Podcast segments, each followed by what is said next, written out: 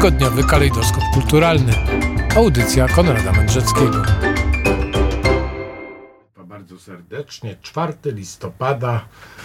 No właśnie, 4 listopada to też historia, yy, taka data chwalebna też w historii Polski, bo 1660 rok, proszę Państwa, pod Czudnowem hetman polny Jerzy Sebastian Lubomirski doprowadził do kapitulacji wojsk moskiewskich w czasie czwartej wojny polsko-rosyjskiej, więc taka chwalebna data. Działo się różne, że inne rzeczy się działy 4 listopada, ale pozostańmy przy pozytywach.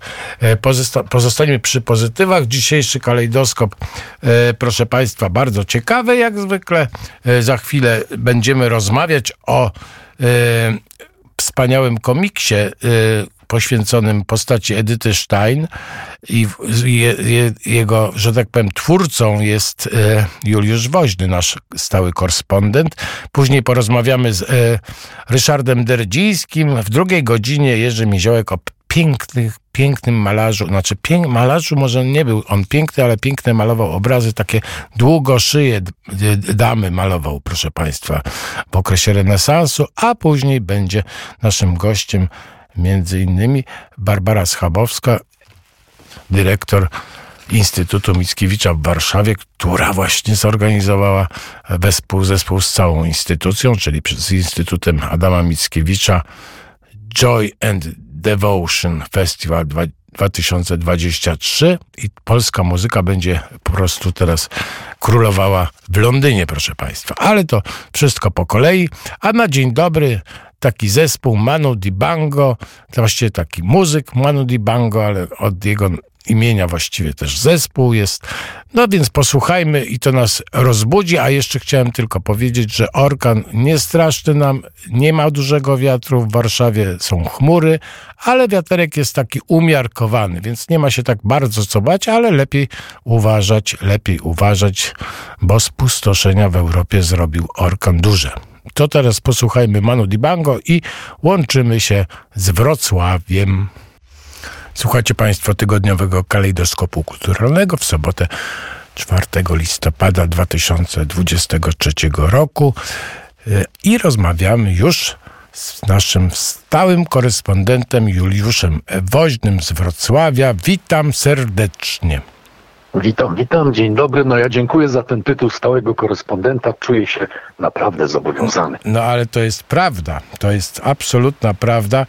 E, nawet podtytuł tego e, komiksu to jest Edyta Stein w poszukiwaniu prawdy, bo chciałbym Państwu powiedzieć, że w Gazecie Wrocławskiej ukazał się pierwszy odcinek komis, e, komiksu właśnie o Edycie Stein. To jakby w, w oktawie wszystkich świętych to bardzo jest, y, y, że tak powiem, adekwatna rozmowa dzisiaj, prawda?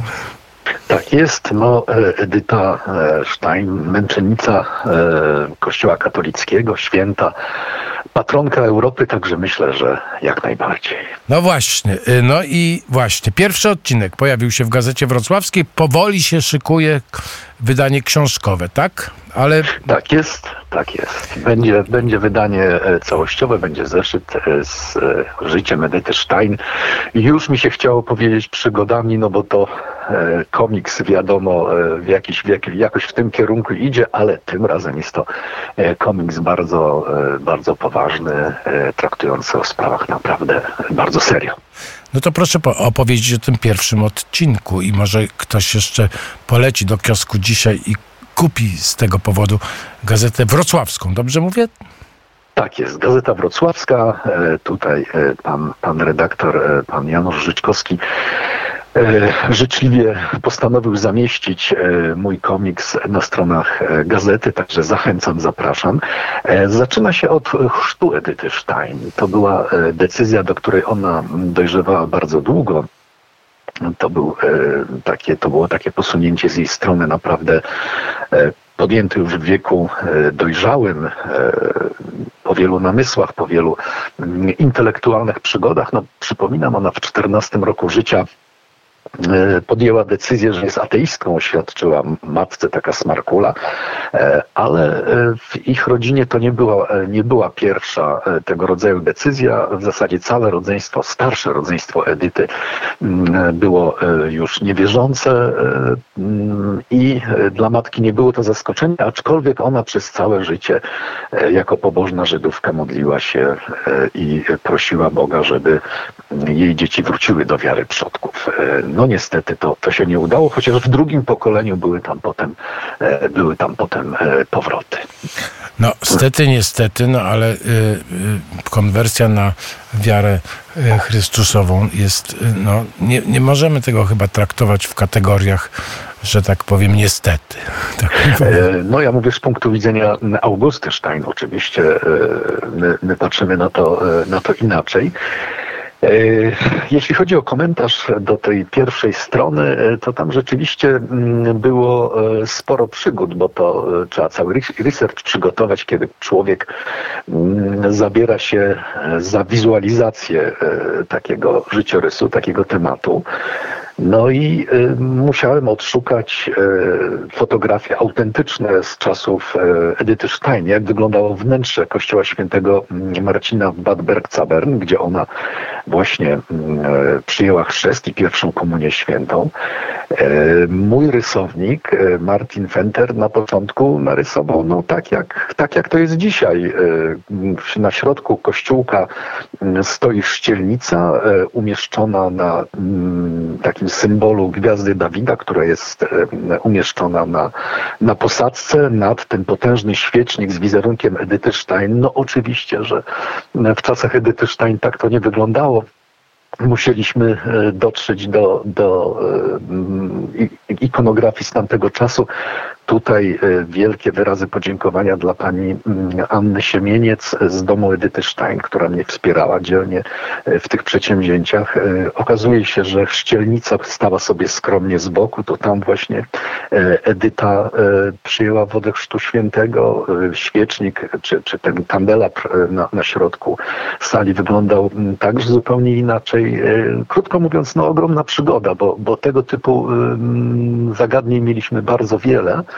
Mm, trzeba było odszukać osoby, które, z którymi się Edyta Stein zetknęła, osoby, które miały wpływ na jej, na jej e, życie. Także no tutaj taka bardzo ciekawa postać e, postać kardynała ówczesnego z Holandii, Johanna de de Jonga, który e, wystosował list e, do wiernych, w którym e, odmawiał, odmawiał sakramentów Holendrom, którzy zostali nazistami. Krótko mówiąc, Kościół katolicki w Holandii bardzo mocno się sprzeciwił nazistom. No i E, za to e, spotkała e, tych ludzi kara nieprawdopodobna. No, do obozów koncentracyjnych wywieziono 40 tysięcy Żydów z Holandii. W tym także osoby, które były, które przeszły na, na inne wyznanie, to, to absolutnie nie miało znaczenia dla nazistów. No, kara, była, kara była brutalna, także to jakby też jest taka E, jeden z argumentów w dyskusji na temat postawy e, papieża Piusa XII e, w czasie II wojny światowej są oskarżenia pod jego adresem wysuwane, a trzeba brać pod uwagę, jak wyglądała cała sytuacja. No właśnie, trzeba brać pod uwagę. Ja, ja na przykład, y, bo pan y, używa no już tej y, nomenklatury naziści, ja mówię o Niemcach raczej jednak, bo y, dla mnie naziści to jest, nie wiem co to jest w ogóle, ale to już pomińmy to, y, y, to zagadnienie językowe.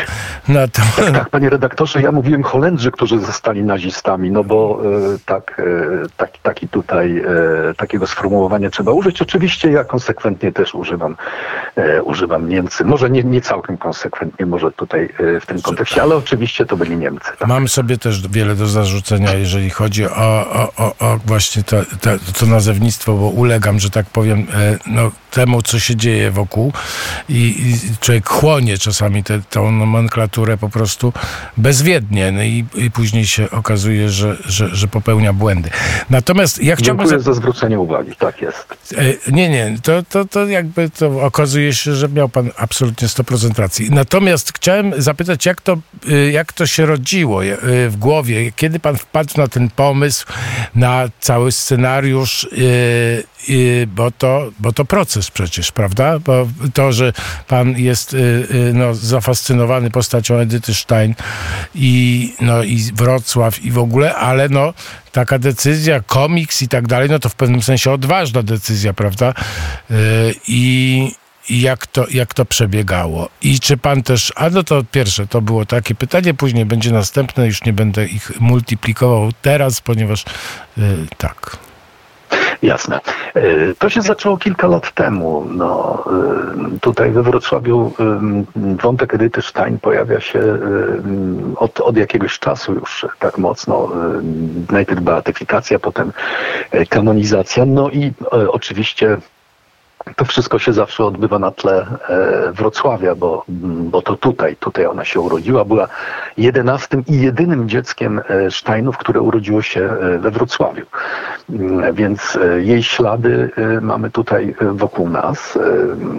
W ubiegłym roku był rok Edyty Stein i ja sobie tak pomyślałem, że można by się włączyć w te obchody właśnie mm, tworząc, tworząc komiks. Tutaj Pan redaktor ma podobne wątpliwości, e, jak e, ja kiedyś byłem e, na takim wyjeździe na Litwę, na Litwę i pamiętam ze strony naukowców litewskich takie wątpliwości, wręcz jakieś takie oburzenie, kiedy ja im powiedziałem, że w Polsce powstał komiks o bitwie pod Grunwaldem. Oni bitwę pod Grunwaldem także uważają za niezmiernie ważny fakt, fakt ze swojej historii i dla nich to była jakaś profanacja, że jak to bitwa pod Grunwaldem, komiks, coś niepoważnego.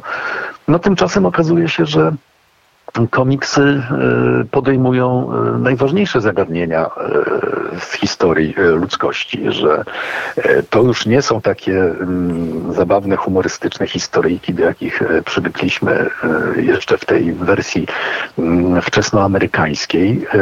To troszeczkę się zmieniło. To już, to już jest mm, bardzo poważna gałąź dziedzina sztuki.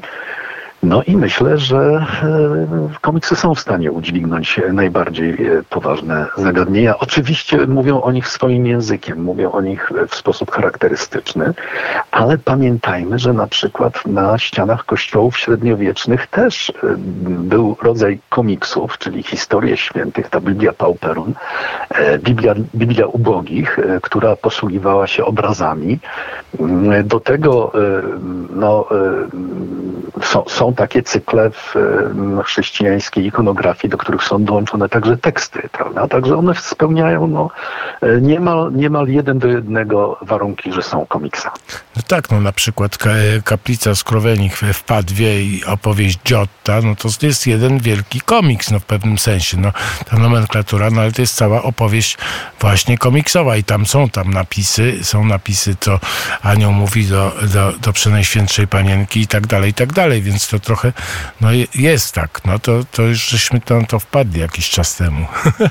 Tak, tak, tak. Także e, tutaj e, myślę, że e, te wątpliwości można, można spokojnie rozwiać. Tym bardziej, że jak mówię, komiks y, wspomaga się językiem filmowym, ale też język filmu dużo czerpie e, z komiksu i myślę, że to jest taka, takie bardzo, mm, bardzo udane małżeństwo. Zobaczmy no, cały cykl e, Batmana, prawda? To, to, jest, to, to jest taki proces wzajemnych różnych e, wpływów i inspiracji. E, zresztą e, sam film Batman no, też przeżywa jakiś tam, jakąś tam taką no, swoją ewolucję.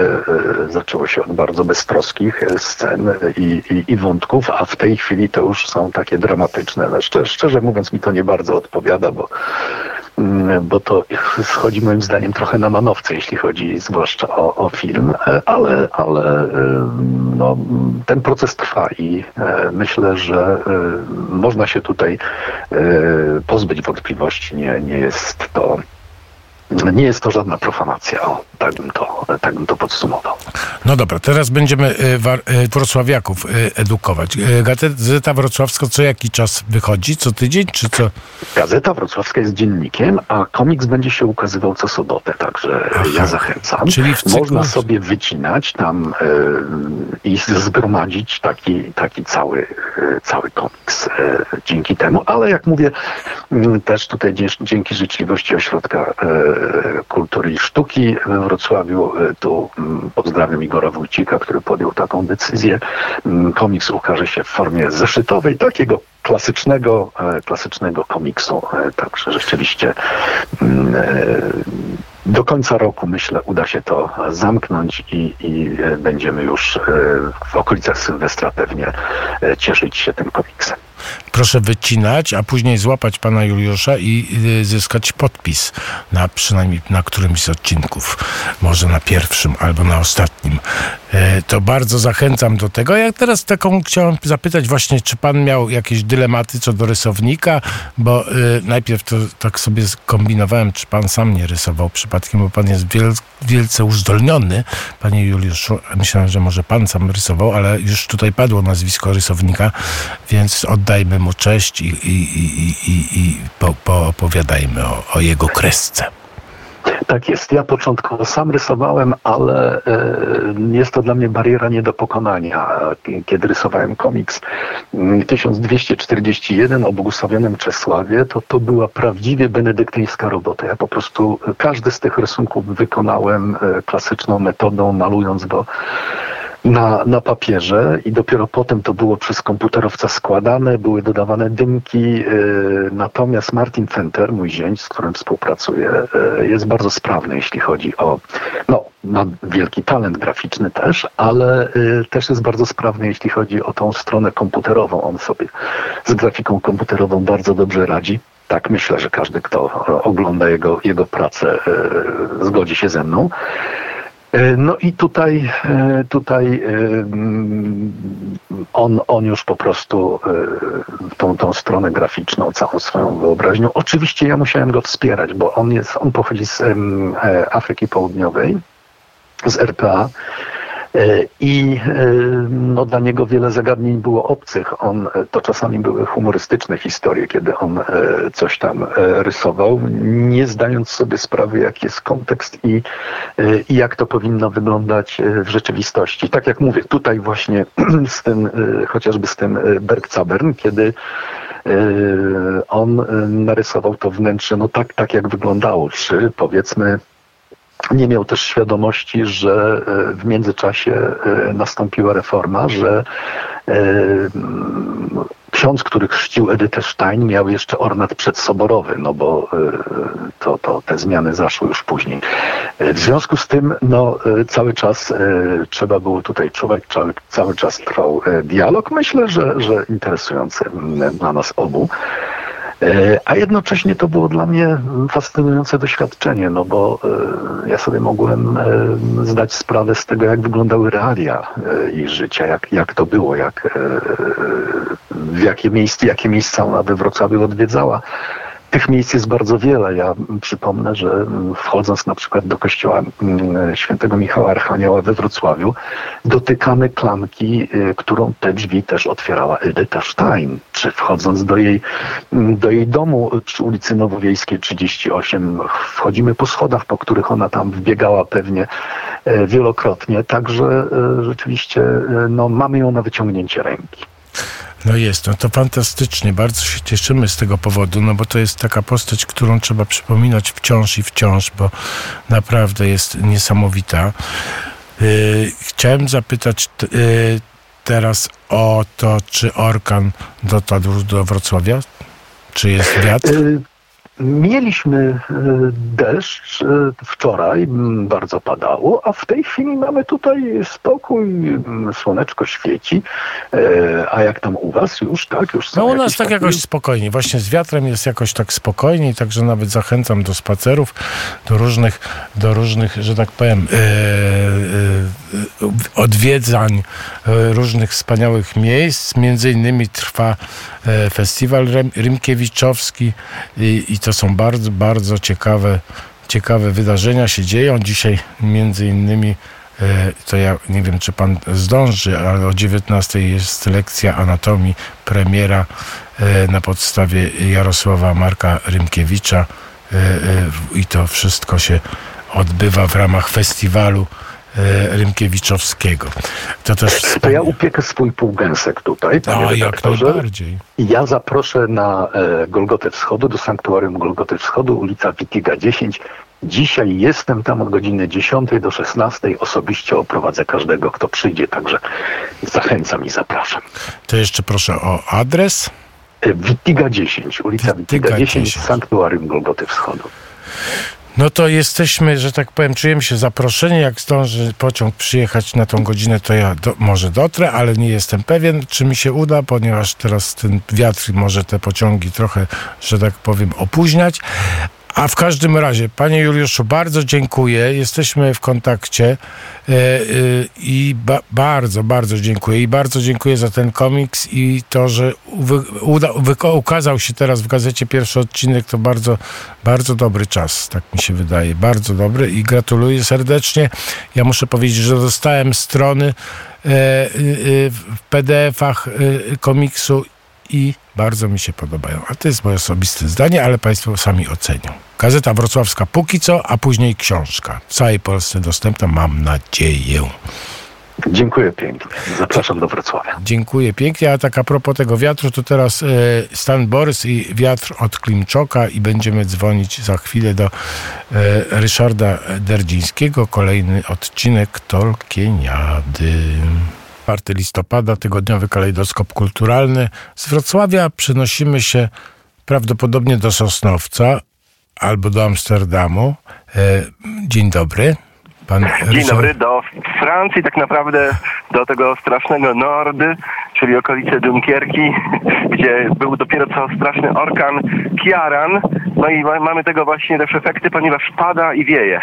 Pada i wieje, ale ży, ży, ży, żyjemy, jak widzę. I... Żyjemy, żyjemy.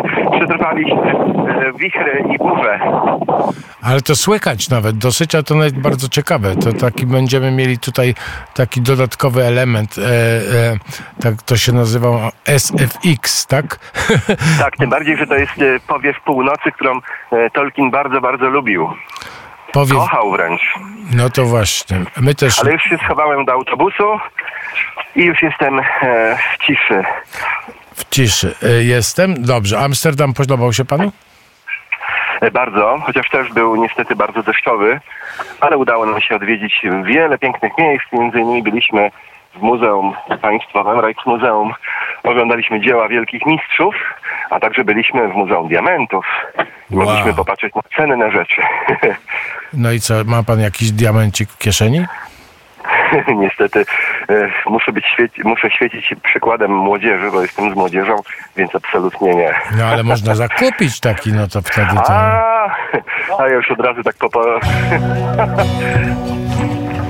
Także nie, nie. Co tam się stało?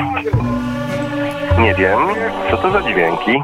Właśnie, to takie dźwięki tutaj takie... To tak jakby aniołowie, to były takie chóry anielskie. To były chóry anielskie, ale już że tak powiem, chóry anielskie e, e, przywołały do porządku same i, i, i e, sobie usiadły tutaj e, koło okienka. Dobrze, e, a dzisiaj, no bo jesteśmy w oktawie w ogóle, e, w oktawie wszystkich świętych i zaduszek, no i jednak będziemy rozmawiać, no trochę smutna wiadomość dotarła do do wszystkich e, miłośników e, e, Tolkiena i polskiego fandomu, bo właśnie jeden krasnoludek odszedł.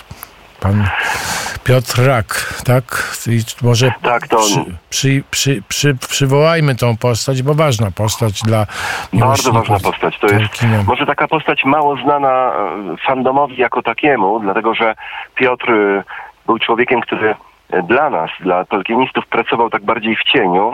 Był człowiek, który był jednym z założycieli Śląskiego Klubu Fantastyki. To też w ogóle no, cała wielka legenda polskiego fandomu y, i y, człowiek, który zajmował się mm, poligrafią, wydawaniem y, i można powiedzieć, że w zasadzie każde czasopismo takie starsze, tolkienowskie, któreśmy kiedyś dawno temu wydawali, no, było w jakiś sposób obrabiane, czy też wspomagane przez Piotra Raka, który tak notabene zawsze z nas żartował jako tolkienistów, że on jest w sekcji antytolkienistycznej, taką rzeczywiście założyli w SKF-ie, ale to tak naprawdę było z dużej sympatii.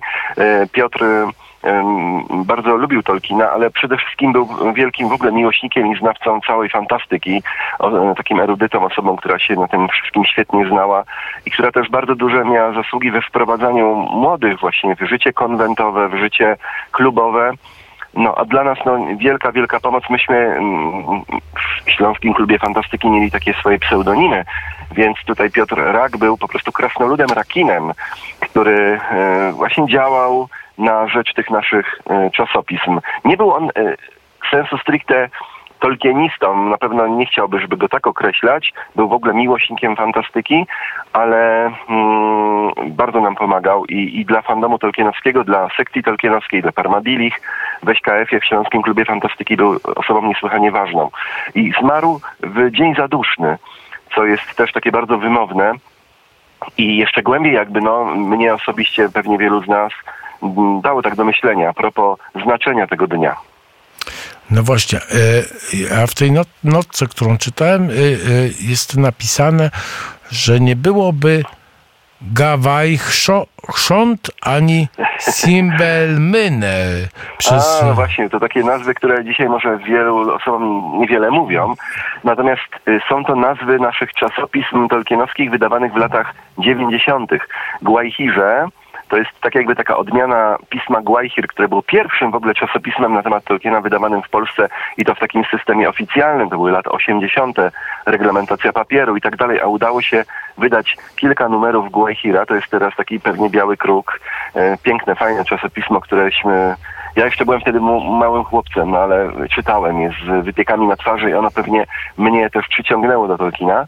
Natomiast potem, gdy nastała y, zmiana władz i już w ogóle nie było papieru dostępnego tak łatwo i, wydawanie nie było takie bardzo proste, chociaż wydawałoby się, że może proste, a wcale nie, to myśmy wtedy y, klubowym takim sumptem na powielaczu, na Ksero wydawali nawet 200 numerów, chyba 200 e, egzemplarzy każdego numeru czasopisma, które już nie było Guajhirem, tylko było taką jego niby mniejszą formą Guajhirzęciem.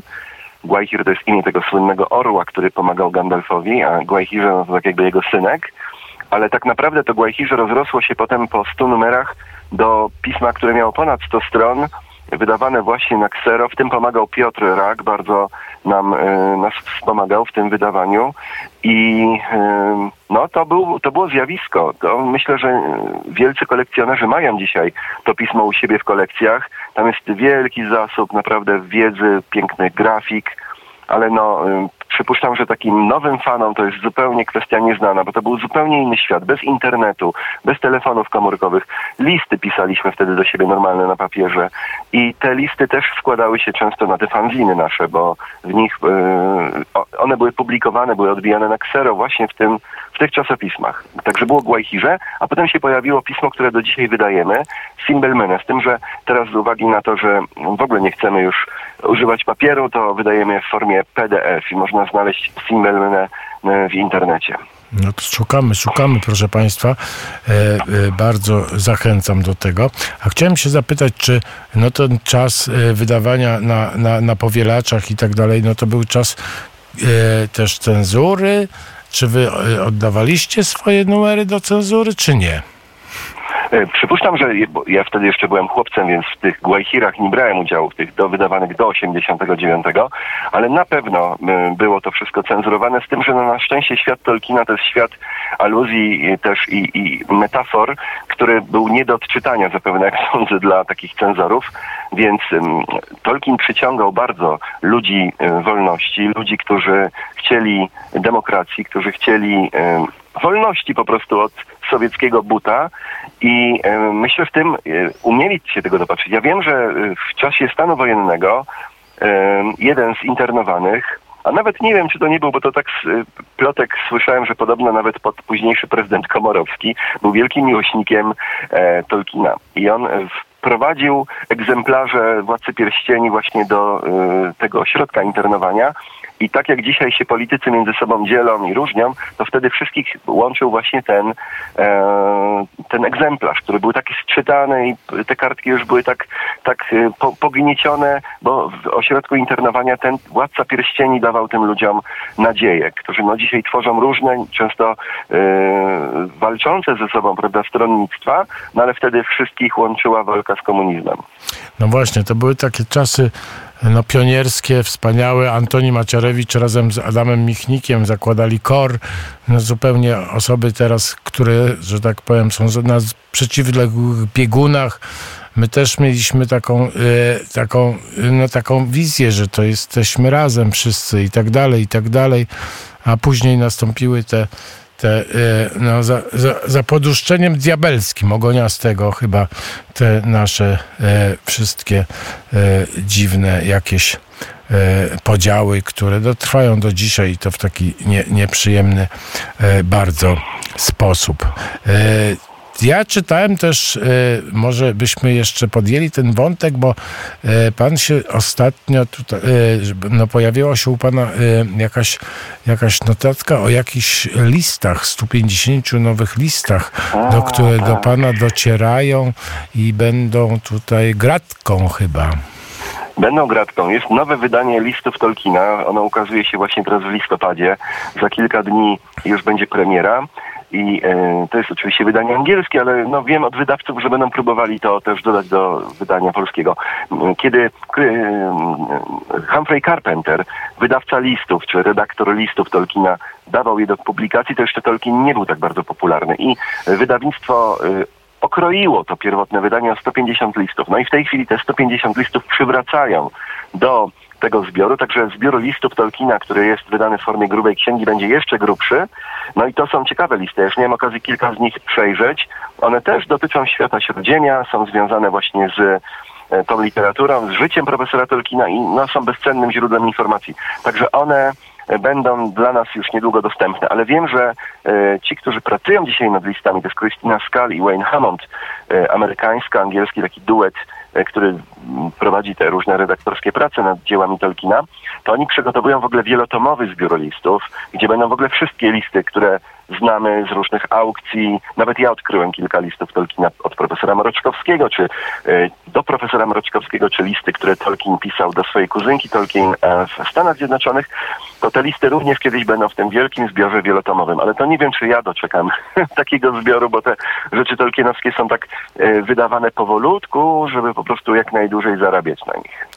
No z jednej strony tak, no ale też wymaga to też y, jakby koncentracji czasu, żeby sobie szczególnie w tym świecie naszym, ja mam e, ładnych parę tomów Tolkiena i listy między innymi i, i to wszystko no w tym czasie, no to sobie tak y, dawkuje też taką, taką historię. No oczywiście ktoś, kto się zajmuje tylko i wyłącznie Tolkienem, no to to rozumiem, że może, może cierpieć z tego powodu, ale dla mnie to nie jest cierpienie, bo to jest taka kolejna dawka wspaniałych y, słów, wspaniałej narracji i opowieści. Właśnie te listy są fantastyczne. Ale czy pan, na przykład jak pan odnajduje te listy, których nie znają wydawcy angielscy czy amerykańscy, to pan się z nimi kontaktuje i przekazuje i y, na przykład listy y, do profesora Mroczkowskiego, czy pan właśnie tak y, do nich dzwoni, mówi, słuchajcie chłopaki albo dziewczyny, mam tutaj fajne listy i oni mówią, tak, tak, już wsiadamy w Jumbo Jetta i lecimy do Sosnowca po te listy, czy nie? Oczywiście, tak właśnie robię, bo jestem w dobrym kontakcie właśnie z tymi wydawcami, z redaktorami Skal i Hammond. Także oni, ma w każdy list, który ja do tej pory odkryłem, e, znają. Ja na przykład opracowałem listy do profesora Mroczkowskiego, ja przepisałem, e, dokonałem ich e, właśnie transkrypcji i z pomocą jeszcze takiego redaktora Hostetera, który opracował Naturę Śródziemia, udało mi się te, te, te listy właśnie przenieść na papier, no i oni je mają w swoim dostępie. Również ten list, który odkryłem dotyczący genealogii Tolkiena do, do jego kuzynki w Stanach, również jest przekazany. Także to my współpracujemy właśnie dla dobra, żeby to nie było gdzieś zamknięte w jakimś prywatnym, małym archiwum, tylko żeby te listy docierały do tych najważniejszych, którzy potem kiedyś je wydadzą. No tak, a skoro pan jest we Francji, to chciałem zapytać o recepcję e, Tolkiena we Francji. Czy jest, no pewnie jest tłumaczony, a, ale czy, czy cieszy się tak wielką estymą, jak na przykład w Stanach Zjednoczonych, czy w Polsce, czy, czy mniejszą? No bo, no bo właśnie, bo to Anglik tak. też, to też może być dla Francuzów kłopot.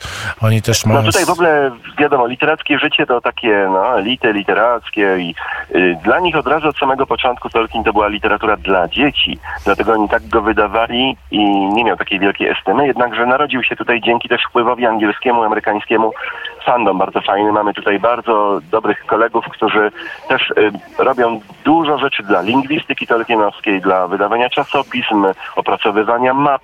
Y, wydawnictwo Zysk i spółka wyda niedługo taki Atlas Śródziemia, który właśnie został przerysowany przez francuskiego grafika jako przepiękne, kolorowe grafiki i piękne mapy. Także Francuzi mają też swój skład. Jednak e, ci Francuzi są z reguły tacy specyficzni, ponieważ to są Francuzi, którzy lubią Anglię i lubią tam jeździć, więc to też taki nietypowy, to, to jest nietypowy, przypuszczam, e, tutaj klan ludzi, którzy mieszkają we Francji i lubią Tolkiena. No to wielki kraj i y, wiele rzeczy można znaleźć, ale generalnie jest znany, ale troszkę inaczej, jak to się mówi we współczesnym języku, pozycjonowany jest, rozumiem, tak. e, Tolkien. No ale teraz będzie bardzo ważne pytanie, panie Ryszardzie, bo ja zbliżają się powolutku, powolutku święta i już niektórzy zaczynają kupować prezenty. No i właśnie, moim zdaniem y, książki Tolkiena to fantastyczny prezent.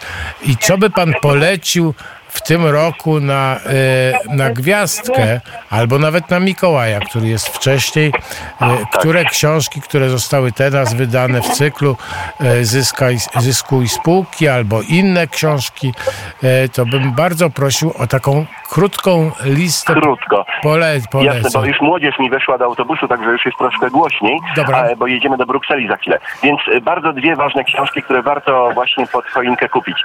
Pierwsza z nich, Upadek Numenorów który ukaże się na dniach właśnie w wydawnictwie Zysk Spółka z pięknymi ilustracjami Alana Lee, Upadek Numenoru. A druga to trzeci tom historii Śródziemia, czyli to, co nazywamy ballady Beleriandu. Przepiękne, poetyckie tłumaczenie, chyba nawet szczerze mówiąc, nie wiem, to jest ale powiem, że to polskie tłumaczenie jest lepsze od angielskiego oryginału poezji Tolkiena właśnie dotyczącej e, Śródziemia pierwszej ery. E, dobrze, to, to za, zakonotowaliśmy. Kto nie zapamiętał, proszę do mnie dzwonić albo pisać e, i, i, to polecamy. Nie przeszkadzam w takim razie, proszę jechać do Brukseli. E, no właśnie, Bruksela. E, no, będziemy tam się modlić. Bruksela, ja. Brukselka. Proszę zjeść Brukselkę w Brukseli. No i, no i do usłyszenia za tydzień. Wszystkiego dobrego. Być może i mam nadzieję i do wszystkiego już będzie pan w Sosnowcu, tak? Tak, e, no chyba nie, bo będę w Szwajcarii w, e, w zderzaczu hadronów, ale to będzie też bardzo ciekawe, bo porozmawiamy chyba o nauce w Śródziemiu. Tak jest, porozmawiamy o nauce. Był u nas kosmonauta, który pracuje w wielkim zderzaczu hadronów, ale ja już panu nie przeszkadzam. My się z nim spotkamy. O, super. A, a my, Wszystkiego dobrego. Ja też się z nim spotkałem. Dziękuję bardzo.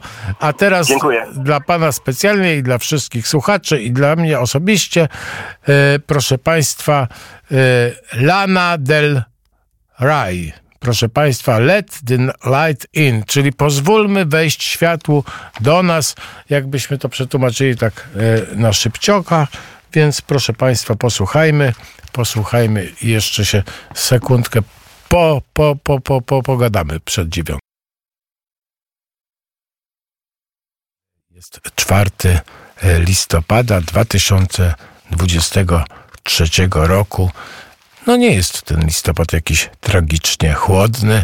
Jest wietrznie, ale też nie tak jak we Francji. Właśnie rozmawialiśmy e, z wybrzeżem francuskim. E, tam znajdował się Ryszard Derdziński i strasznie wiało to było, wiało. A tam orkan e, przybiera na siłę le, bardziej niż tutaj. No właśnie, rozmawialiśmy dzisiaj o Edycie Stein, rozmawialiśmy o Piotrze Raku. Bardzo, bardzo taka no, oktawa jest wszystkich świętych. Cały czas wspominamy tych, którzy odeszli wcześniej lub później. I, no jest nostalgicznie, ale listopad zawsze był nostalgiczny, no i no ale bywa piękny, bywa piękny, to fakt. W każdym razie y, dużo się dzieje. Y, z Juliuszem Woźnym rozmawialiśmy z Wrocławia, opowiadał między innymi y, no, rozmawialiśmy o komiksie, głównie o Edycie Stein, ale też y, zaprasza dzisiaj do y, odwiedzenia wystawy Golgota Wschodu i y, oferuje, że oprowadzi każdego chętnego bardzo, bardzo. Ale we Wrocławiu też dzisiaj konferencja powołani do służby na obcej ziemi. To Instytut Schumana. Wczoraj była rozmowa na ten temat. Bardzo, bardzo ciekawa, bardzo ciekawa, proszę Państwa, konferencja e, już się zaczęła, ale jest wielu prelegentów. Można naprawdę odwiedzić to miejsce. Instytut Schumana, proszę Państwa, organizuje we Wrocławiu e, właśnie tą konferencję. I no jest to taka opowieść o Europie i właśnie o tym, o tym jak ta Europa no, jakby nie, do, nie, nie, nie, nie spełnia tych oczekiwań e, założycieli, oj, ojców założycieli idei e, e, Europy, Unii Europejskiej, właśnie Schumana, Konrada Adenauera, więc bardzo, bardzo Państwu, że tak powiem, polecam tą konferencję. Ona właśnie ma miejsce dzisiaj we Wrocławiu. Można też oglądać, y, znaczy słuchać i oglądać e, wypowiedzi e, właśnie, proszę Państwa, e, na, za, za pośrednictwem internetu. A współ, że tak powiem, organizatorami tej konferencji jest między innymi no, zaprzyjaźniona przez nas e, e, kawiarnia Agere Contra, a także, proszę Państwa, Instytut Dziedzictwa Myśli Narodowej, proszę Państwa. E, także e, bardzo, bardzo polecam. A teraz e, powoli, powoli zbliża się godzina dziewiąta. W związku z powyższym posłuchamy Impala. Impala, zapomniałem co dalej, ale to bardzo dobra muzyka i posłuchamy tej muzyki, a później będzie godzina dziewiąta i później będą wiadomości, a później będziemy rozmawiać o wspaniałym jednym ma malarzu renesansowym, ale nie powiem jeszcze jakim, ale powiem tylko tyle, że malował piękne panie z pięknymi szyjami. A będziemy rozmawiać z profesorem Jerzym Miziołkiem na profesora Jerzego Miziołka i e, za opowieściami o malarstwie włoskim i dzisiaj wracamy, wracamy do Włochów, bo e, przez jakiś czas zajmowaliśmy się Kopernikiem, którego wspaniała wystawa w Rzymie. E, dzień dobry panie profesorze. Dzień dobry Państwu, serdecznie pozdrawiam. Gdyby kto chciał o tej wystawie, pozwoli Pan tylko powiem coś zobaczyć. Jutro w Info, e, w TVP Info będzie program o 12.30, więc można będzie o tej wystawie usłyszeć więcej. A przechodząc do naszego tematu, bo przecież już go Pan zapowiedział, witam wszystkich bardzo bardzo serdecznie, żeby porozmawiać o malarzach, powiedzielibyśmy artystach florencko-rzymskich. Oni są obydwaj pochowani w Rzymie, w kościele, który bardzo wielu naszych słuchaczy zna zapewne, ale być może nie widziało ich nagrobka, bo się idzie do nagrobka oczywiście Juliusza II, czy też do rzeźby Michała Anioła, a oni zostają zaraz po lewej stronie, y, jak się wchodzi do kościoła San Pietro in Vincoli. Dwaj wielcy florency artyści działające także w Rzymie. Antonio i Piero Palaiolo, tak się chyba to wymawia dobrze, bo to jest takie bardzo trudne włoskie nazwisko. Ja się uczyłem wymawiać. No, oni się nazywali prosto po włosku Benci, tak się nazywał ich ojciec, ale ponieważ ich ojciec y, był producentem kurczaków, tak, naprawdę kurczaków, włoskie pollo to jest kurczak, no więc to są synowie kurczaczarza. Kogoś, kto produkował mięso kurze, sprzedawał je również, a więc brzmi to może niezbyt wzniośle, ponieważ mięso kurze jest zdrowe, zwłaszcza kur z wybiegu, więc to był dobry zawód chyba. I ojciec był na tyle mądry, że obydwu swoich synów, widząc ich talent, jednego skierował do mm, e, warsztatu Gibertiego, ojca Wawrzyńca, tego słynnego Wawrzyńca Gibertiego, a drugiego skierował do warsztatu Piero, czyli Piotra, do warsztatu Andrea del Castagno. Był taki malarz słynny wówczas, a więc zadbał o ich wykształcenie I tak naprawdę Antonio, który był e, artystą starszym, urodził się w 1431 roku, żył, no, na nagrobkę jest napisane 72 lata, ale żył tak naprawdę 67 lat, jak się policzy dokładnie. Brat żył jeszcze trochę krócej, 63 lata bodaj, ale ci dwaj artyści, z których jeden miał wykształcenie, jakby to powiedzieć, brązownika i złotnika, drugi malarza, w pewnym momencie po dokonaniu no, rozmaitych e, zabiegów, zabiegów o swoją, jakby to powiedzieć, pozycję we Florencji, e, połączyli siły, współpracowali bardzo wyraźnie. Trudno jest odróżnić e, ich dłonie przy ich obrazach, ale prawda jest taka, że gdybyśmy popatrzyli na napis, pozwoli pan, panie redaktorze, że przeczytam, co pisze na nagrobku tym właśnie w Rzymie, w San Pietro in Vincoli, Antonius e, Pulariusz, czyli właśnie ten od, syn ojca, który hodował kury, z ojca Florenczyk, malarz znakomity. Więc proszę zwrócić uwagę, jednak jest napisane malarz, który dwom papieżom przedziwną sztuką z brązu pomniki wystawił, obydwa są w Bazylice Watykańskiej, tu staraniem rodziny, tak jak w ostatniej woli wraz z bratem Piotrem życzył sobie być e, pochowany, żył, żył lat 72. Wiemy, że żył trochę krócej, ale rzeczywiście to jest piękny dorobek, to jest znakomita właściwie e, postać, jedna i druga. Mamy refleksję ich sztuki w Polsce, o czym może za chwilę powiemy, ale teraz dodajmy, że oni studiowali, powiedzieliśmy o tych dwóch wybitnych artystów, u brązownika, złotnika, drugi u malarza, ale współpracowali między innymi z Botticellim. I jak e, pójdziemy do Florencji, czy wrócimy do Florencji, czy sięgniemy pamięcią, to tam jest takich siedem pięknych obrazów, piękne kobiety, malowane, to są cnoty, trzy cnoty oczywiście są, jak wiemy, mm, teologiczne, wiara, nadzieja i miłość, czy caritas, i trzy cnoty teologiczne, więc jedna z nich, właśnie siła, fortezza, to jest e, obraz malowany przez Botticellego. I to są lata 60. E, do lat 70. były malowane te, te, było malowanych tych siedem obrazów. One zdobiły takie wnętrze takiej Loggia della Mercanzia. No, Florencja słynęła z handlu. Dzięki temu handlowi była tak bogata. Więc to w tym wnętrzu właśnie ci trzej malarze, wśród których był Botticelli, namalowali te trzy Y, siedem postaci, które są jeszcze trochę sztywno malowane, ale niedługo potem, jak popatrzymy na obraz, który też jest w oficjach, a który był kiedyś w kaplicy kardynała portugalskiego, tak to się mówi, e, to jest San Pietro, e, e, to jest na, na górze, w San, San Miniato al Monte, to zobaczymy, jak piękny jest to naprawdę obraz. Święty Jakub po środku, święty Eustachy po jego prawej stronie, jeszcze jeden święty kroczą.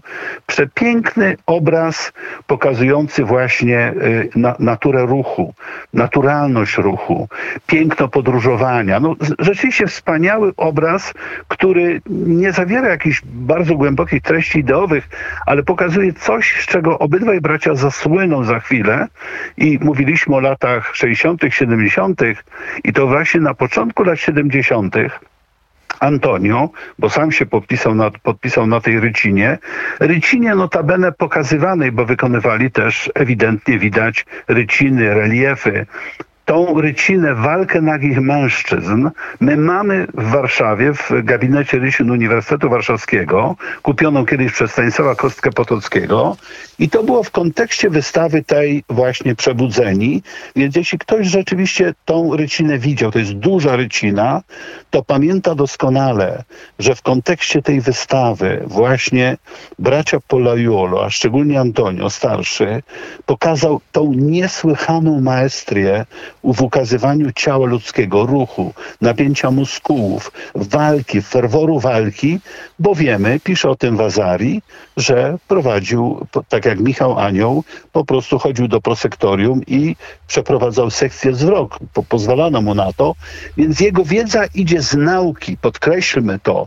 To jest wiedza e, z, wynikająca z kontaktu z ciałem ludzkim, które po prostu studiował w takich szczegółach i detalach, że powstało absolutne arcydzieło. Jeszcze proszę mi pozwolić powiedzieć, mówiąc o tej e, rycinie i tych pierwszych obrazach, Dodajmy, że w zbiorach landskorońskich obecnie w, na Wawelu jest takie malowidło, które przedstawia walkę Juliusza Cezara z Galami, twierdzą jedni.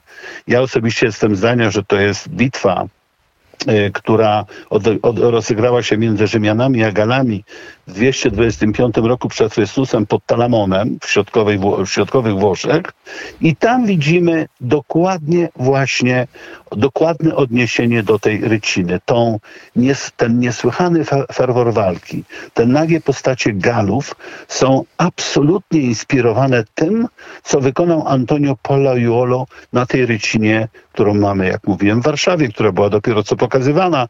A więc mamy do czynienia z artystami, którzy otworzyli perspektywę do tego wszystkiego, w czym zasłynie potem Leonardo da Vinci, Michał Anioł i Rafael Santi, a szczególnie Michał Anioł w ukazywaniu tego, jakby to powiedzieć, piękna ciała ludzkiego. No właśnie, a później właśnie no, można powiedzieć, że w pewnym sensie Leonardo da Vinci poszedł ich drogą. Ja e, a teraz chciałem tak, bo, bo ja kiedyś stanąłem w Mediolanie przez to, to, to, to Piero. Poldi Pezzoli zapewne. Ta, e, Muzeo Poldi Pezzoli. Pezzoli. Tak, no i tam tak, stanąłem... To jest prywatne muzeum, to jest prywatne muzeum, tak panie redaktorze, ma pan absolutnie rację. Jeśli ktoś z państwa wybiera się do Mediolanu ponownie albo pojedzie po raz pierwszy, to poza Brerą trzeba naprawdę pójść do tego muzeum, które jest y, prywatną instytucją. To są Poldi Pezzoli, dwie rodziny, y, które złożyły swoje dzieła w, w, w szczególnej koligacji i tam możemy rzeczywiście zobaczyć jeden z tych najpiękniejszych portretów kobiecych w ogóle. No to jest właśnie jeden... portret kobiecy, który, jeśli mamy w domu książki Muratowa, obrazy Włoch, to jest na jednej z nich reprodukowany ten obraz. Właśnie to jest właśnie całe jestestwo pięknej kobiety. To nie jest jeszcze epoka, w której tak jak Leonardo da Vinci będzie malował za niedługo portrety ujęte w trzech czwartych, czy Rafael Santi. Yy, widzimy wtedy na przykład no, damę z gronostajem w takim ujęciu. Tu jest ujęcie profilowe, ale naprawdę ta dama my do końca nie wiemy, kto to jest, ale to ujęcie, ta finezja, kobiecość, delikatność rysów, lekko zadarty, no nie powiem nos, bo ona jest za ładna, żeby mówić o nosie. Nosek, nosek, nosek, nosek tak. Nosek. nosek, przepiękny, wspaniały, piękne szaty, a więc moglibyśmy powiedzieć, że ci artyści, którzy jeszcze dość twardo malowali te, jak powiedzieliśmy, te cnoty cztery dla Loggia Mercancia, są też znakomitymi portrecistami. I pytanie jest, czy zdecydował o tym Pietro, który był wykształ z wykształcenia malarzem, od którego potem malarstwa uczy się Antonio, czy to jest wspólne dzieło, ale jedno jest pewne. Te prawie pastelowe kolory, ten urokliwość kobiety, pięknie malowane oczy, nakrycie głowy, szaty, po prostu wspaniale ujęty kolor ciała, to cielistość ciała wspaniała, takich portretów bracia Polejuolo namalowali co najmniej cztery. One są w rozmaitych miejscach na świecie. Jedna jest, o ile dobrze pamiętam, też to jest z tych portretów w Waszyngtonie. A więc artyści także wybitni portreciści, którzy po prostu zasłynęli tak bardzo, wykonując i w Arezzo, i we Florencji swoje najrozmaitsze przedstawienia, że oczywiście doczekali się mm, sławy, byli po prostu rzeczywiście tak bardzo uznani, że z czasem zostali zaproszeni do Rzymu. Nie wiem, czy już się teraz do Rzymu wyprawimy, czy jeszcze powiemy co nieco o innych ich dziełach we Florencji. E, może się do Rzymu wyprawmy, ale jeszcze chciałbym poza Brerą i Muzeo Poldi Pezzoli powiedzieć o Akademii w Mediolanie, bo tam też jest niezła kolekcja. No właśnie, no więc... E, ale to le lećmy do Rzymu. Bo ja Więc... akurat do Akademii kiedyś widziałem e, właśnie, przyjech... byłem zdziwiony niezwykle, bo przyszedłem do Akademii w Mediolanie i e, byłem osłupiały, bo nie, nie, nie doczytałem wszystkiego i, i, spotkałem się z damą, e, z Łasiczką, czy z Gronostajem, wypożyczoną właśnie z Krakowa do, na wystawę Leonardo da Vinci właśnie w Akademii. No i taka historia No osobista. tak, to może jeszcze kiedyś wrócimy do kwestii portretów renesansowych, bo to jest myślę osobny temat. No właśnie jak to się dzieje, że pomiędzy braćmi Polaiuolo, pomiędzy Fra Filippo Lippim, który był mistrzem Botticellego i Botticellim, który też malował portrety, no dzieje się taka sfera wspaniała, że potem z tego wychodzi malarstwo portretowe to prawdziwie renesansowe, o którym tu wspomnieliśmy w, w skrócie, kiedy już nie ma tego profilowego ujęcia jak na medalach. Bracia Polaiolo wykonywali także przedstawienia postaci na, meda na medalach odlewanych w brązie. Więc jak to się dokonało, to przejście do ukazania postaci w trzech czwartych, jak na przykład w przypadku Młodzieńca czy autoportretu Rafaela z kolekcji czartoryskich który zginął z, w czasie II wojny światowej, do tej pory go nie mamy, to jest to osobna opowieść, więc rzeczywiście może spróbujmy przenieść się do Rzymu i opowiedzieć o tym, że rzeczywiście ci artyści, jak jest napisane na nagrobku, co przeczytaliśmy na początku naszej audycji, czy mojej wypowiedzi, że rzeczywiście zyskali takie uznanie, że papież Innocenty VIII, może przypomnijmy, że to jest papież, który zostaje wybrany na tron papieski w roku 1484 po śmierci papieża Sextusa IV, czyli wuja ale, e, papieża Juliusza II, od którego tego Sextusa nazwę nosi kaplica sekstyńska. A więc wyobraźmy sobie, jak wielka musiała być sława obydwu braci, jako malarzy, jako brązowników, jako złotników, czy szczególnie Antonio był tym, który pracował w, w brązie i w złocie, że obydwaj dostają zaproszenie do mm, y, Rzymu i jeśli tu powiem, że za nagrobek papieża Sykstusa IV przyszły papież Juliusz II, bo to był wtedy, był wtedy tylko kardynałem, zapłacił 5 tysięcy florenów. Proszę Państwa, to jest taka kwota, która po prostu to tyle kosztowało wymalowanie sklepienia kaplicy sykstyńskiej.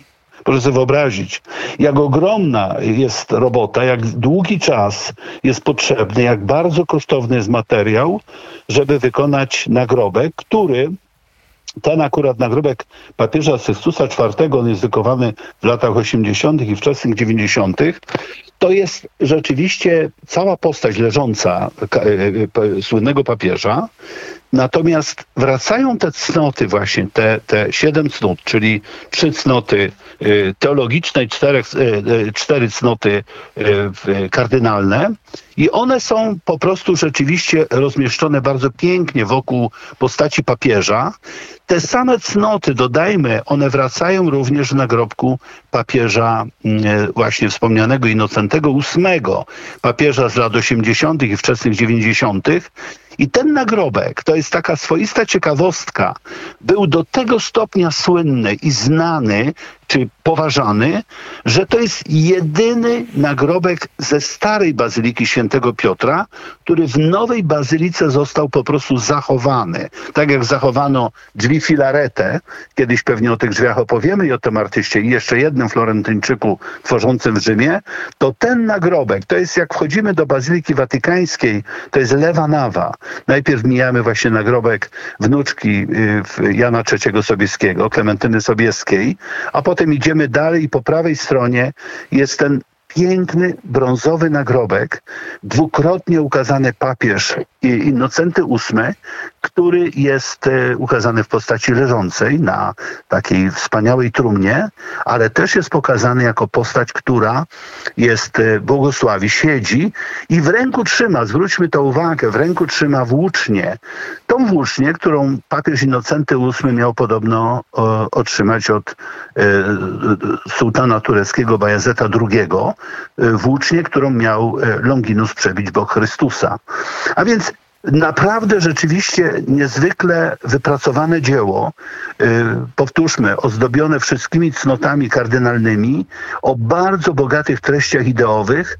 Więc mówiąc krótko, patrząc i na sposób, w jaki układają się szaty, ta podniesiona ręka, sposób przedstawienia tiary y, i wszystkie inne elementy, one pokazują, jak w tej perspektywie od lat 60., kiedy są malowane te cztery cnoty dla Loggia, Loggia della Mercancia, w czym bierze udział Botticelli, jak do lat 90., czy przełomu 80. z 90., powstają te dwa wspaniałe nagrobki, które są w jakimś sensie ukoronowaniem twórczości obydwu artystów i pokazują, jak temat przez nich y, opracowany, który doprowadził ich do sławy, bo to, co namalowali we Florencji, otworzyło perspektywę zaproszenia do Rzymu, że w tym Rzymie wraca, staje się po prostu przedmiotem y, no, tego, no, ktoś zaakceptował ten program y, i papież ten właśnie, o którym mówiliśmy, papież Innocenty VIII i papież, czy papież już nie, bo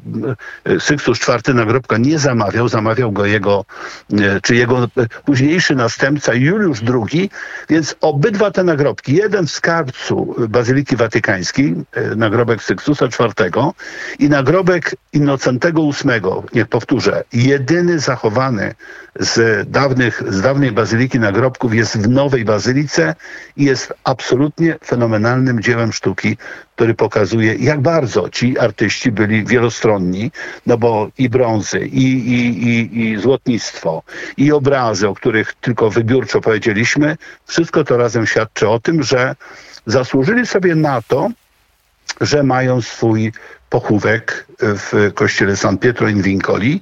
To był kościół jak e, kościół kardynalski Juliusza II, czyli przyszłego papieża Juliusza II. To był jego kościół, czyli ten kościół, który pamięta czasy uwięzienia świętego Piotra, są te łańcuchy, ten, w którym jest nagrobek, który jest pustym nagrobkiem, bo Juliusz II jest pochowany na Watykanie tak naprawdę, a tam jest tylko kenota w pusty grób.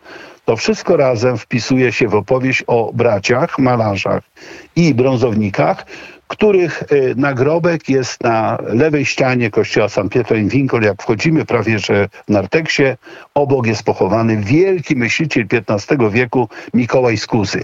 Niech to świadczy i ten napis, który tu mamy, który przeczytaliśmy na początku i inskrypcja, która znajduje się na nagrobku papieża y, Innocentego VIII, która i Sykstusa IV, która mówi o tej pełnej świadomości osiągnięcia sukcesu. I Wazari zauważa, pewnie pan, panie redaktorze, też to przeczytał, jak Wazari zaczyna opowieść o tych synach hodowli, y, hodowcy drobiu, sprzedawcy mięsa kurzego, jak pisze, że ktoś może wywodzić się z bardzo słabej kondycji społecznej, a dzięki talentowi i wielkiej pracy zyskuje wielką sławę. To jest przykład wielkiej sławy i te portrety kobiece, o których wspomnieliśmy, tak trochę przelotnie, ale w, z uczuciem i te inne dzieła, które wymieniliśmy i te, które są w Arezzo i we Florencji rozrzucone po świecie i te nagrobki w Bazylice Watykańskiej, one po prostu rzeczywiście uświadamiają nam, że obok tych wielkich, jak Andrea del Verrocchio, mistrz Leonardo da Vinci, jak Botticelli, który z nimi współpracował, jak Leonardo da Vinci, który doskonale znał braci Polaiolo i na pewno z nimi miał szerokie kontakty, jak oto właśnie wśród tej wielkiej plejady wybitnych Florentyńczyków, którzy dotarli do Rzymu i ten Rzym y, ozdobili wspaniałymi dziełami, są ci dwaj synowie właśnie e, skromnego e, hodowcy kur z Florencji, którzy dzięki wybitnej pracy i, i, talentowi zasłużyli nie tylko na uznanie, ale nawet na pochówek w tak ważnym kościele w Rzymie. Właśnie, nie zapomnijmy, Antonio i Piero Polaiolo Proszę Państwa, naprawdę, na, to malarstwo włoskie to naprawdę jest wiele, wiele nazwisk, nie tylko tych, że tak powiem, które przychodzą do głowy na, na, natychmiast, jak Rafael, czy Leonardo da Vinci, czy Botticelli wspomniany, ale jest, tam jest cała masa i będziemy z panem profesorem... No, panie redaktorze, powiedzmy o tym, bo w kolejce czekają przecież i Andrea del Castagno dzisiaj wymieniony, prawda? To jest jeden z tych malarzy, a poza tym, no cóż, nie będziemy ich wymieniać po kolei, będziemy ich wyłuskiwać, jeśli tylko będziemy mieli słuchacza, pan redaktor będzie dalej e, zainteresowany rozmowami na ten temat, no to kolejni czekają w kolejce do omówienia. Wśród nich Antonio Averlino, zwany Filarete, którego y, kilka dzieł było na wystawie Przebudzeni niedawno w Warszawie, a którego wspaniałe drzwi brązowe są zachowane w pośrodku Bazyliki Watykańskiej, czy prowadzą, to są główne drzwi do Bazyliki Watykańskiej, które tak jak nagrobki obydwu papieży, tak te drzwi brązowe, one po prostu są warte omówienia, bo zawierają niezwykle ciekawą ikonografię i jeszcze raz mówią o tym, Florencja, która uczyła się bo przecież i Donatello, i, Girland, i, i Girlandai oczywiście też, ale przede wszystkim Donatello i Brunelleschi przyjeżdżali do Rzymu studiować ruiny. Jest na YouTubie mój wykład na temat tej wystawy Przebudzeni, można go obejrzeć na stronie Zamku Królewskiego w Warszawie. Więc jak oni przyjeżdżali studiować dzieła sztuki antycznej w Rzymie, to z kolei potem ta fala tych włoskich, tych florenckich artystów, bo właściwie wielka ich plejada, potem przecież ci, którzy malują kaplicę sykstyńską, e, mówimy o tych freskach w dolnej partii, gdzie są sceny życia Mojżesza i Chrystusa, no to ten duch jak gdyby braci Pollaiuolo, którzy w konkurencji z Verrocchio, młodym Leonardem da Vinci tworzą, ani Leonardo, ani bracia Verrocchio nie malowali, przepraszam, bracia Polaiolo nie malowali w kaplicy sykstyńskiej, ale to, co tam jest, i Luca Signorelli, i Ghirlandaio, mistrz notabene Michała Anioła, i y, Botticelli, i y, Cosma Roselli, to jest wszystko ta wspaniała epoka. No właśnie każdy z nich, także Cosma Rosselli e, i paru innych mogliby być przedmiotem osobnej audycji, tak jak niedawno mówiliśmy o malarzu, któremu dopiero co poświęcono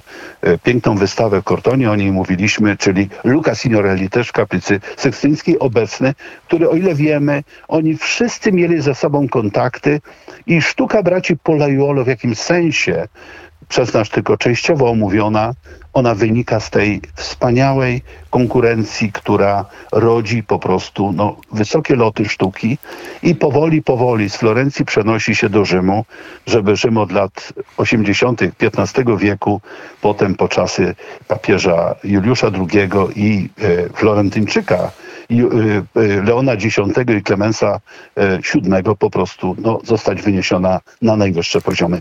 Panie Bracia Polajolo otwierają perspektywę tego wspaniałego lotu sztuki florenckiej, która dociera do Rzymu i bardzo prężnie wzbogaca. E, panie profesorze, bardzo dziękuję. Jeżeli o mnie chodzi, to ja jak najbardziej będę zainteresowany zawsze i wszędzie i będziemy rozmawiali na ten temat. Jak nas nie zmiecie e, wiatr odnowy po 15 października, to, to będziemy rozmawiali e, ile się da.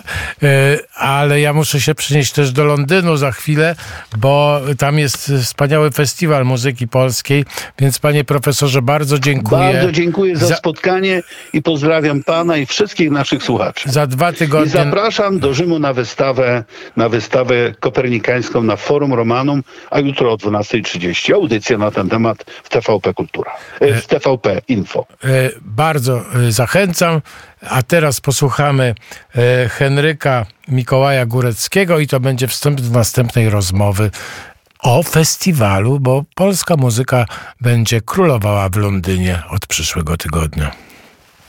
Słuchacie Państwo tygodniowego kalejdoskopu kulturalnego z Rzymu i z Mediolanu, e, z, oglądania obrazów fantastycznych malarzy e, włoskiego renesansu. Przenosimy się, proszę Państwa, do Londynu, może nie bezpośrednio, ale właśnie Londyn będzie rozbrzmiewał polską muzyką od 7 listopada do 11 listopada i jest tam e, organizowany festiwal e, przez Instytut Adama Mickiewicza i on się nazywa Joy and Devotion Festival 2023, a my rozmawiamy z maestro Pawłem Łukaszewskim, profesorem, kompozytorem, który jest kierownikiem artystycznym tego wydarzenia. Dzień dobry.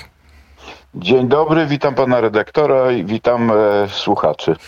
No właśnie, to niesamowite wydarzenie. An e, serce Londynu będzie całe pulsowało polską muzyką. E, proszę opowiedzieć o tym festiwalu. Tam przecież jest dużo naszych, że tak powiem, braci i sióstr, ale też Anglicy będą mogli poznać e, fantastyczne utwory e, polskich kompozytorów. E, no i proszę troszeczkę opowiedzieć. Y, rzeczywiście mm, od trzech lat już organizujemy festiwal polskiej muzyki sakralnej w Londynie. Tak jak pan redaktor powiedział, w sercu Londynu, dlatego że to jest w kościele St. Martin in the Fields, w miejscu, w którym działała wybitna orkiestra Academy of St. Martin in the Fields pod dyrekcją Neville'a Marinera. No, a jest to y, kościół na Trafalgar Square, niedaleko od opactwa westminsterskiego, niedaleko od, od pałacu Buckingham, od Downing Street, a więc rzeczywiście serce Londynu, wspaniałe miejsce. No i od National Gallery też, prawda? I National Gallery, tak, która jest, która jest dostępna dla wszystkich bezpłatnie dodatku no zwiedzających. No, y, chcemy zaprezentować, tak jak co roku, skarby polskiej muzyki sakralnej. Na początku wiele, wiele osób twierdziło, że ten festiwal się nie utrzyma, bo nie będzie co pokazywać. Y, tymczasem już trzeci rok y, organizujemy serię koncertów i jest to zawsze i muzyka dawna, polska muzyka renesansowa, barokowa e, i także późniejsza, e, szczególnie współczesna. Tak jak, e, tak jak słyszałem przed momentem Henryka Mikołaja Góreckiego. No i, i tego kompozytora chcemy też zaprezentować, ponieważ mm, w tym roku mija jego 90. rocznica urodzin. Podobnie jak Krzysztofa Pendereckiego, obu tych kompozytorów będziemy mieli na jednym z y, koncertów z y, utworami poświęconymi Matce Bożej Częstochowskiej. Mm, koncert zatytułowany Maryja Black Madonna of Częstochowa. Mm, bardzo ciekawe utwory Góreckiego, y, które skomponował w czasie takiego swojego momentu buntu przeciwko politycznemu również. Zamknął się wtedy w swojej pracowni i tworzył pieśni kościelne. Te pieśni kościelne całkiem niedawno zostały przetłumaczone na łacinę. Stąd będzie to pierwsze wykonanie w takiej wersji właśnie do tekstu łacińskiego ale w tym, tym koncercie będziemy mieli również okazję usłyszeć e, utwór Andrzeja Panównika, wybitnego e, polskiego kompozytora, który wyemigrował do Wielkiej Brytanii, a także Stabat Mater Romana Padlewskiego, który przedwcześnie zginął w Powstaniu Warszawskim. Na pewno byłby E, byłby jednym z tych wielkich, których, e, których byśmy pamiętali, ale i tak o, pamiętamy o nim, bo, bo, bo, bo to naprawdę arcydzieło, to Stabat Mater Romana Padlewskiego, jest to utwór wybitny. To to jest jeden z tych trzech koncertów. No właśnie, ale też nie zapomnijmy, że będą i pańskie dwa utwory, prawda? Na 11 listopada będzie można wysłuchać. To może... No tak, to jest y, taki drobiazg. Może y, zacząłbym od tego, że mm, chciałem pokazać y, tych moich poprzedników, znakomitych kompozytorów nieżyjących już Andrzeja Koszewskiego czy Marka Jasińskiego, Józefa Świdra, no i e, potem ja mogę powiedzieć, że jestem takim łącznikiem między tym dawnym a nowym pokoleniem. Moje dwa utwory, które zdobyły sobie liczne grono słuchaczy i rzeczywiście od 30 lat są wykonywane na całym świecie, i w Chinach, i w Japonii, Kanadzie, Australii, to jest Ave Maria i Crucem tu Amadoramus Domine a następnie młode pokolenie polskich kompozytorów tworzących polską muzykę sakralną. To będzie Weronika Ratusińska, Aldona Nawrocka, Michał Malec i Dominik Puk. To laureaci konkursów kompozytorskich, młodzi kompozytorzy, którzy naprawdę mają już bardzo e, dużo sukcesów, wykonań, publikacji swoich partytur. A chciałbym się zapytać, bo to już, skoro to jest trzeci już, e, trzecia edycja tego festiwalu, czy, e, współ, e, czy współpracujecie z tymi samymi muzykami co kiedyś, czy, czy dwa lata temu, czy się zmieniają? No i jak Anglicy w ogóle polską odbierają? Oni mają troszkę inną, inne ucho, nie? Ale jak odbierają polską muzykę? No, ucho mają znakomite, angielska tradycja, rzeczywiście churalna jest tutaj bardzo ważna ale ja myślę, że mają dobre ucho do tego, żeby posłuchać polskiej muzyki, która im się bardzo podoba. Co roku występują inne chóry, inne zespoły. Y, wspaniałe, takie jak y, na przykład y, Polyphony pod dyrekcją Stevena Laytona, czy Tenebre pod dyrekcją Nigela Shorta, Jesualdo Six i Owen Park.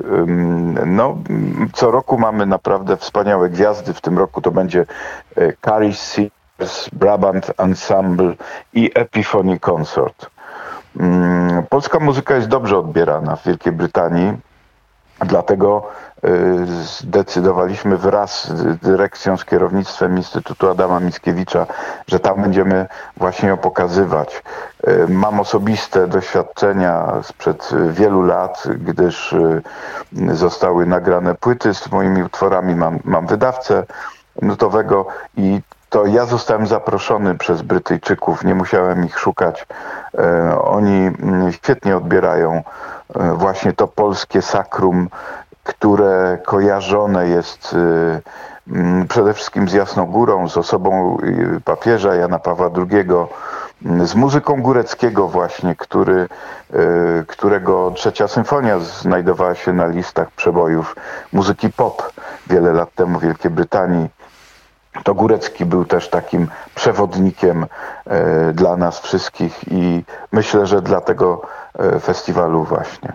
Rozumiem, że w kościele St. Martin in the Fields jest dobra akustyka. Jest świetna akustyka i są wspaniałe organy. I również w każdym z koncertów prezentujemy e, kilka utworów organowych. Zawsze wykonawcą jest e, wspaniały Rupert Jeff Coate. Tak będzie również w tym roku.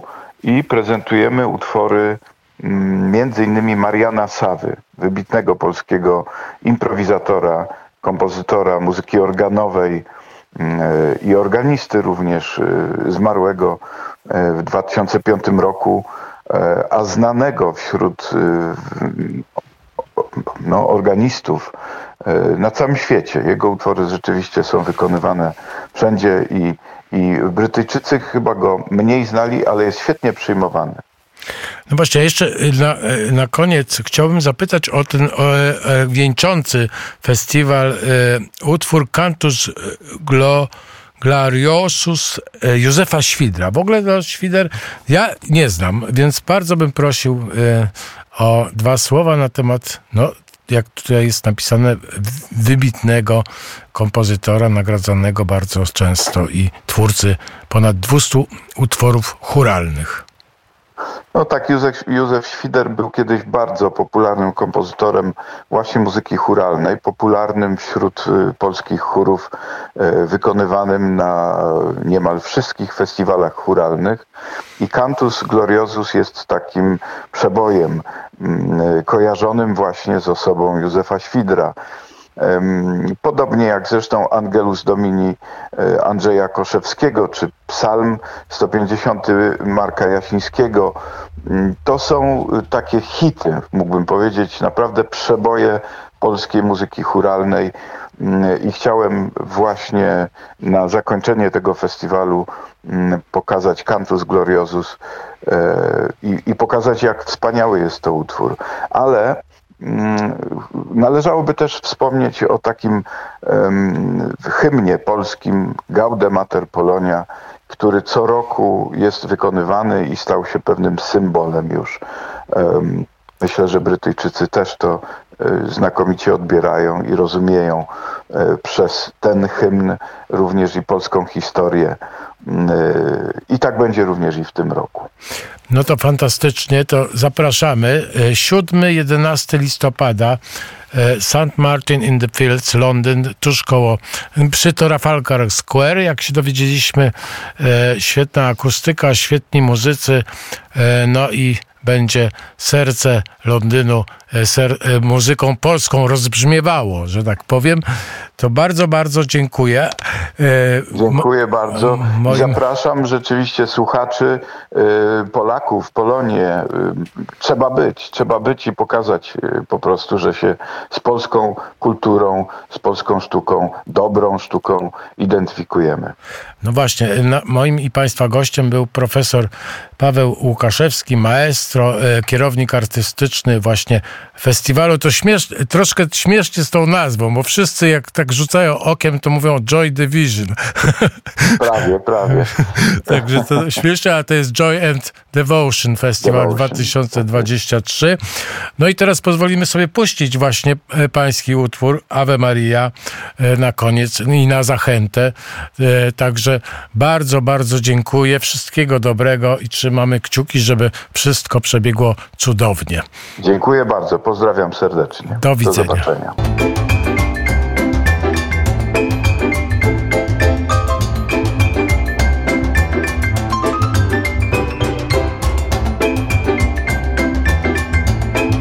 Tygodniowy kalejdoskop kulturalny.